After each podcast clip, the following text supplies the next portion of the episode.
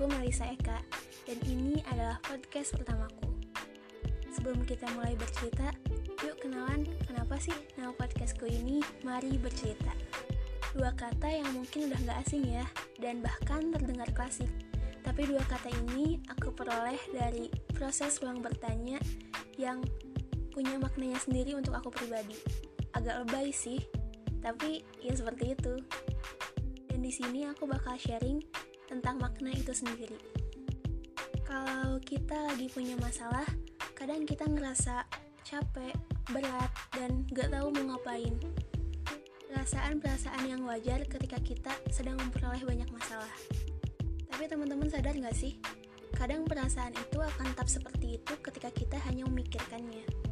Coba deh kalau misalnya kita mulai nulis atau kita mulai cerita kadang perasaan seperti itu gak serumit apa yang kita pikirin sebelumnya. Setuju sih sama perkataan kalau cerita itu mengurangi beban. Mungkin gak banyak, tapi ada. Dan bentuk cerita itu gak harus kita cerita ke orang lain. Bisa kita cerita ke diri kita sendiri, berdialog dengan diri kita sendiri, cerita kepada Tuhan kita, cerita kepada alam, dan mungkin kita bisa nulis.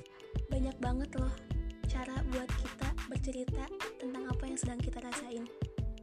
Jadi itu kenapa aku namain podcastku ini Mari Bercerita.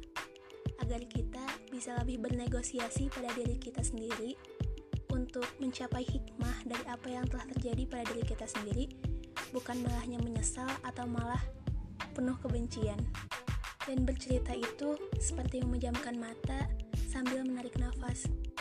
Adalah jeda untuk berpikir